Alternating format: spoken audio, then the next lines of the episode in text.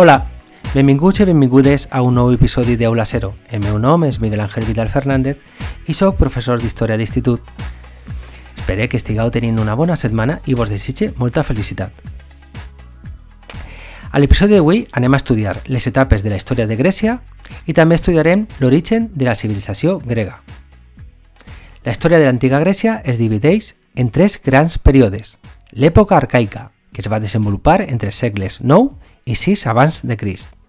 L'època clàssica, que es va estendre durant el segle V i la primera meitat del segle IV abans de Crist, i l'època helenística, que va transcórrer des de mitjan del segle IV abans de Crist fins al segle I abans de Crist.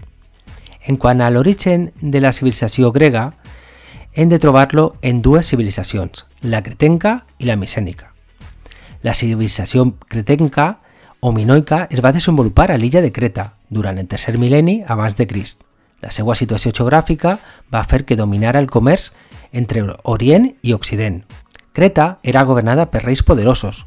Un dels més influents va ser el llegendari Minos, que va construir molts palaus com el de Nossos, la ciutat més important de Creta. Per això aquesta cultura també rep el nom de cultura minoica.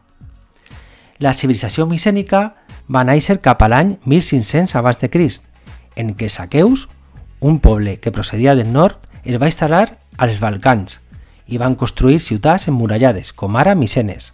En aquesta època, Creta exercia una important influència al Mediterrani. La societat micènica estava composta sobretot per guerrers, que eren governats per un rei. Al començament, la seva economia es basava en l'agricultura i la ramaderia, però a poc a poc van anar substituint els cretencs en el control de l'activitat comercial. I fins així l'episodi d'avui.